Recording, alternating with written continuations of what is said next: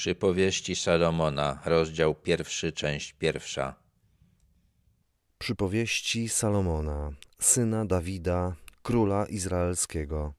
Salomon przejął władzę w Izraelu po Dawidzie, kiedy objawił mu się Bóg i pozwolił prosić o cokolwiek chciał, poprosił o mądrość, aby mógł sprawiedliwie sądzić swój naród. Bóg pochwalił jego wybór i powiedział, że daje mu tyle mądrości, że nikogo takiego jak on przed nim nie było i nikogo takiego jak on po nim nie będzie. A ponieważ nie prosił o sławę, bogactwo i nieszczęścia dla swoich wrogów, to Bóg powiedział, że daje mu także to, o co nie prosił. Niestety Salomon nie utrzymał tej mądrości do końca życia, bo jego serce odwróciło się od Boga. Ale gdy pisał te przypowieści, kierował się jeszcze tą mądrością i starał się ją przekazać.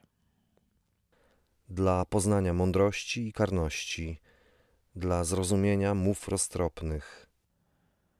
Mądrość można określić jako umiejętność wybierania takiego postępowania, które w dłuższym okresie czasu daje dobre skutki. To coś innego niż inteligencja i wiedza. Często ludzie inteligentni i posiadający wiele wiadomości postępują w taki sposób, że prowadzą do zguby i samych siebie i innych. Także pomimo całej swojej inteligencji i wiedzy są głupcami. Salomon pisał to dla zrozumienia mądrości i karności, czyli mądrość jest nierozerwalnie związana z karnością, z posłuszeństwem. Ktoś, kto nikogo nie słucha, nie może być mądry. Salomon chciał, żeby ci, którzy czytają te słowa, zrozumieli roztropność, zrozumieli roztropne mowy. Roztropność to jedna z form mądrości, polega na dobieraniu właściwych sposobów na osiągnięcie celu, do którego dążymy. Ten, kto nie ma mądrości, nie zrozumie roztropnej mowy. Trzeba mieć mądrość, aby ją pomnożyć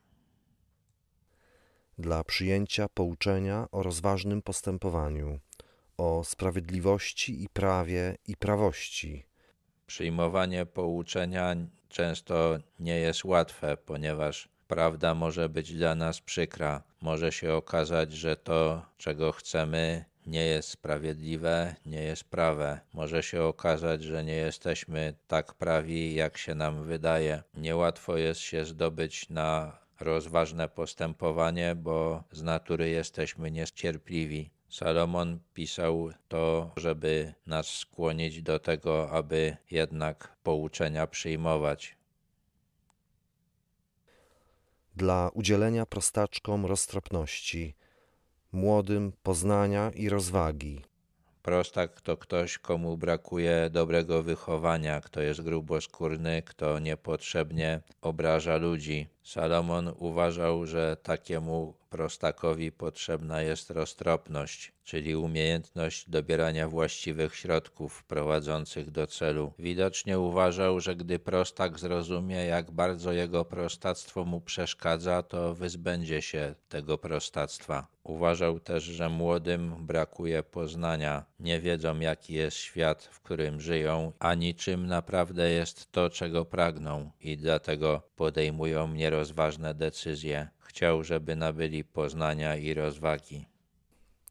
Kto mądry, niech słucha i pomnaża naukę, a rozumny niech zdobywa wskazówki. Trzeba mieć mądrość, żeby ją pomnażać. Mądry będzie wiedział, że przypowieści Salomona są mądre i warto ich słuchać. Tak uważał sam Salomon. Aby rozumieć przypowieść i przenośnie, słowa mędrców i ich zagadki. Salomon uprzedził, że będzie używał przypowieści i przenośni, żeby przekazać swoją mądrość. Trzeba wytężyć swój umysł, żeby pod tymi symbolami i przykładami znaleźć treść, którą chce przekazać. Trzeba umieć rozwiązywać zagadki, które zostawił. Bojaźń Pana jest początkiem poznania. Głupcy gardzą mądrością i karnością. Bóg jest twórcą świata i twórcą wszystkiego, co jest na tym świecie. Aby zdobyć właściwe poznanie stworzenia, trzeba zacząć od poznania Stwórcy. Żeby poznać Boga, trzeba mieć właściwą postawę wobec Niego. Tą postawą jest bojaźń, czyli szacunek i cześć, uznawanie Jego potęgi i mądrości. Według Salomona, ten, kto nie ma takiej postawy wobec Boga, jest głupcem, odrzuca mądrość i odrzuca też karność. Nie chce nikogo słuchać poza sobą samym.